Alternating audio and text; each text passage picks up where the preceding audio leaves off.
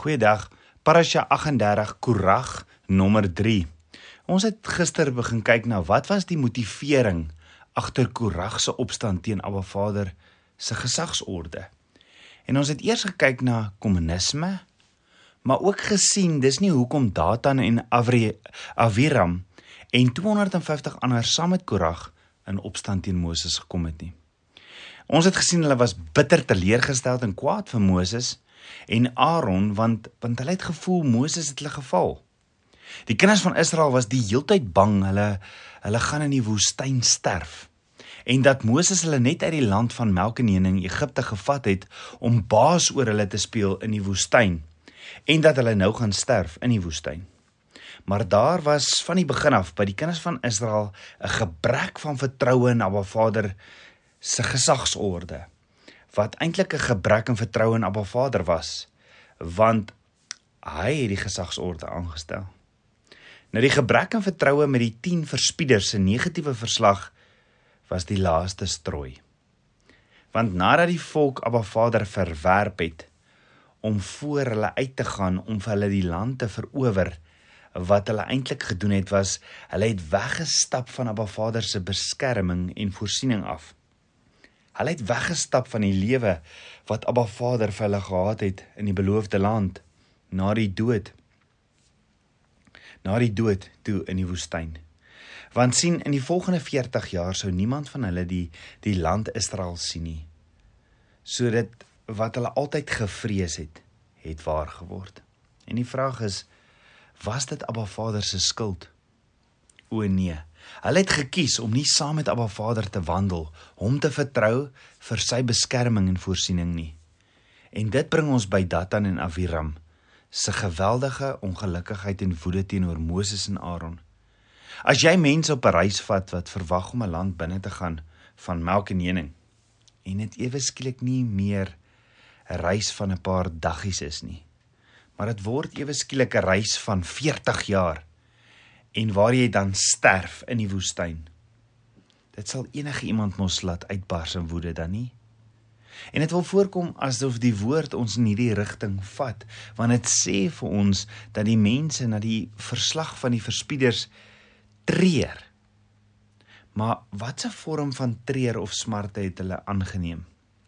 Aanvanklik leer die woord ons dit is ontkenning of denial want hoor gou net nadat die mense baie gegrief het sê die woorde Numeri 14 vers 39 tot 45 toe Moses hierdie woorde aan al die kinders van Israel gesê het het die volk baie getreur en die môre vroeg klaar gemaak en op die top van die berg geklim en gesê hier is ons. En ons wil optrek na die plek wat die Here gesê het want ons het gesondig. Maar Moses het gesê Waarom oortree julle tog die bevel van die Here aangesien dit tog nie sal geluk nie? Moenie optrek nie, want die Here is nie in julle midde nie. Anders word julle verslaan voor julle vyande. Want die Amalekiete en die Kainite is daar voor julle en julle sal deur die swaard val omdat julle van die Here afvallig geword het. Daarom sal die Here nie met julle wees nie. Nogtans het hulle vermetel gehandel om op die top van die berg te klim, maar die verbondsark van die Here en Moses het nie uit die laar gewyk nie. Toe die Amalekiete en die Kainite wat in die gebergte woonagtig was, afgekom en hulle verslaan en hulle verstrooi tot by Horma. Met ander woorde, nadat hulle hulle rug gedraai het op Abba Vader, besluit hulle, hulle gaan dan nou maar sonder Abba Vader die beloofde land in. Hulle sê ons gaan sonder Abba Vader want ons het gesondig. Maar Moses sê toe nee nee nee nee. Julle kan dit nie doen nie. Moenie optrek en die vyand aanval sonder Abba Vader nie. Want hy gaan julle nie beskerm omdat julle weggeloop het van hom af. Julle sal uitgedun en uitgewis word en dis presies wat gebeur het. Want hulle was Moses nie gehoorsaam nie. Hulle wou nie vir Moses luister nie. Hulle was keelvol vir Moses en dit was hulle eerste reaksie van rou of smart. Maar wat is die volgende fase? Jy sien sodra ontkenning nie meer werk nie, is woede die volgende reaksie. Nou woede kan beheer word, maar gewoonlik ruk woede hand uit. En dis wat in hierdie week se parasha gebeur het. Onthou toe hulle aanvanklik vir Moses gesê het ons sal nie opkom nie, was dit in Hebreëus die eerste fase van rou of treur, ontkenning of denial. Maar die tweede keer toe hulle sê ons sal nie opkom opkom nie, het dit verander in die tweede fase van rou of treur en dit is woede. Met ander woorde, hulle eintlik wat hulle eintlik sê is dit is nie net dat ons nie na jou toe gaan kom nie Moses. Nee, ons het die waarheid besef.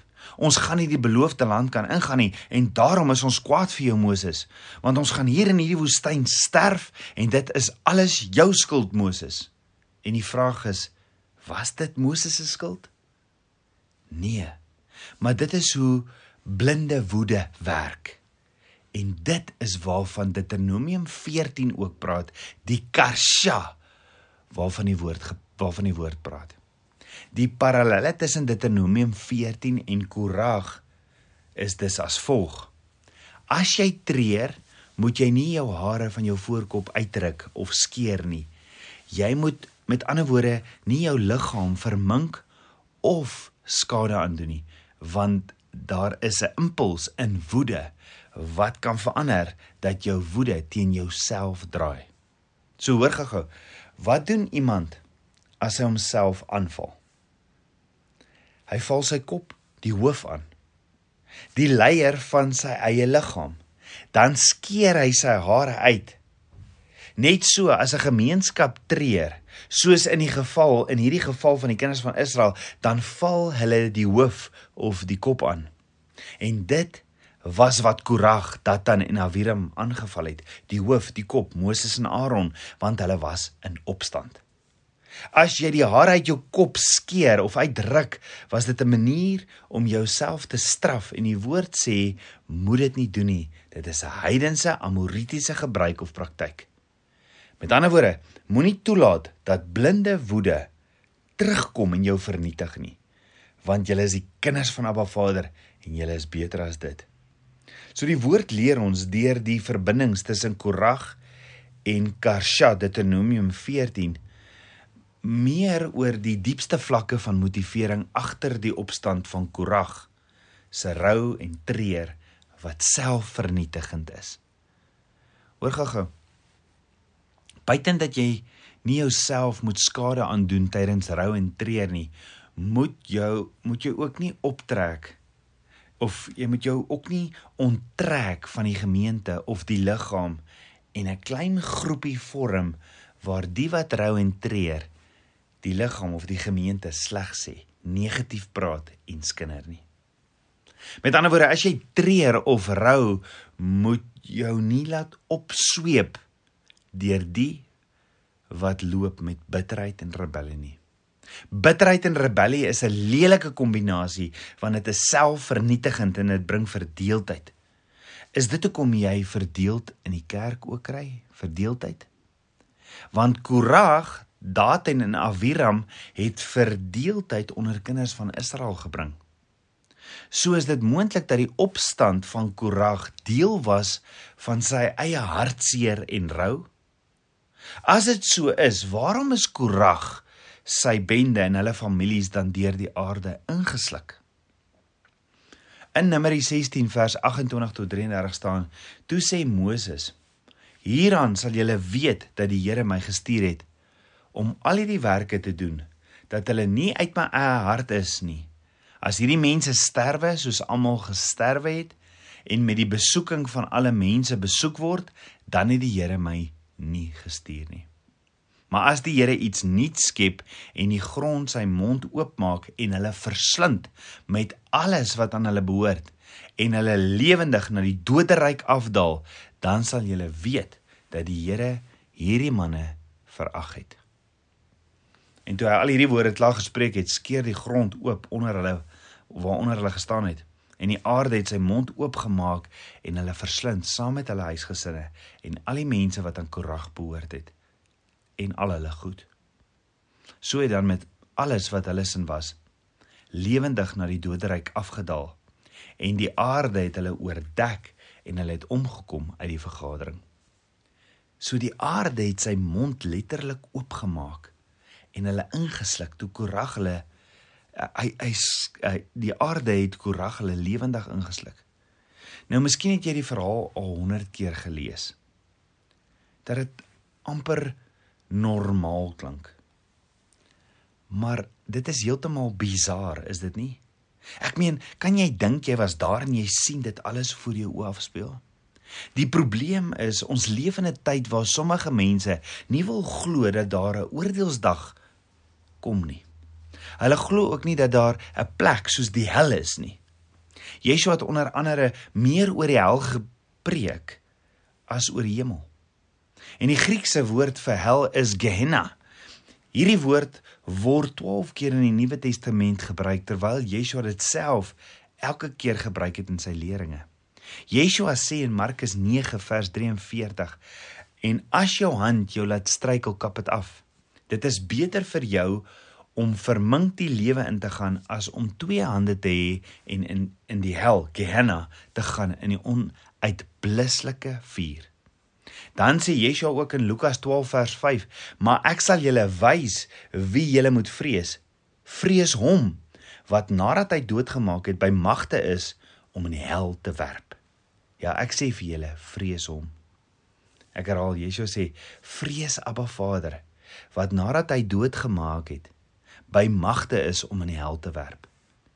Die probleem vandag is daar word meer motiverende boodskappe uitgestuur en boodskappe wat jou laat goed voel oor jouself as wat daar gepraat word van Abba Vader se oordeel en dat ons leef in 'n tydperk van genade.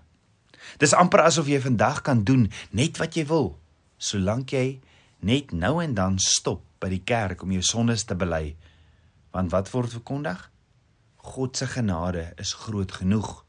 Doen wat jy wil, vra net nou en dan vergifnis. Let wel, dit is 'n valse teologie. Wanneer daar verkondig word dat die God van die Ou Testament wat streng en oordeelkundig was, vervang is in die Nuwe Testament met 'n verdraagsame en 'n genadiglike Vader. Abba Vader verander nie en is nog altyd genadiglik en barmhartig. Maar die probleem is, vandag as jy enigsins praat oor die oordeel van Abba Vader, dan word dit gesien as hellfire of verdoemenis. En min mense praat die oor die oordeel van Abba Vader. Dink daaroor. Dalk as ons meer begin praat oor Abba Vader se oordeel, sal mense meer terugdraai van hulle verkeerde weë. Want wanneer laas het jy na 'n preek of 'n lering geluister wat gaan oor die hel of oor die oordeel van Abba Vader? Nee, die begeerte vandag is om Abba Vader se veroordeling van 'n ewige ewigheid in die hel eerder te vermy. Om eerder nie te luister na die gevolge van ongehoorsaamheid en rebellie aan Abba Vader nie. en om dit toe te gooi met 'n maklike sê ding van ag ek is net mens. Wel, dalk het Korag ook so gedink. Hy het verseker gedink hy het die reg om in rebellie op te staan teenoor Abba Vader se gesagsfigure, maar dit het nie so goed uitgedraai vir hom nie. So om oor te ponder, hoekom is Korag spesifiek deur die aarde ingesluk? Hoekom juis op hierdie manier?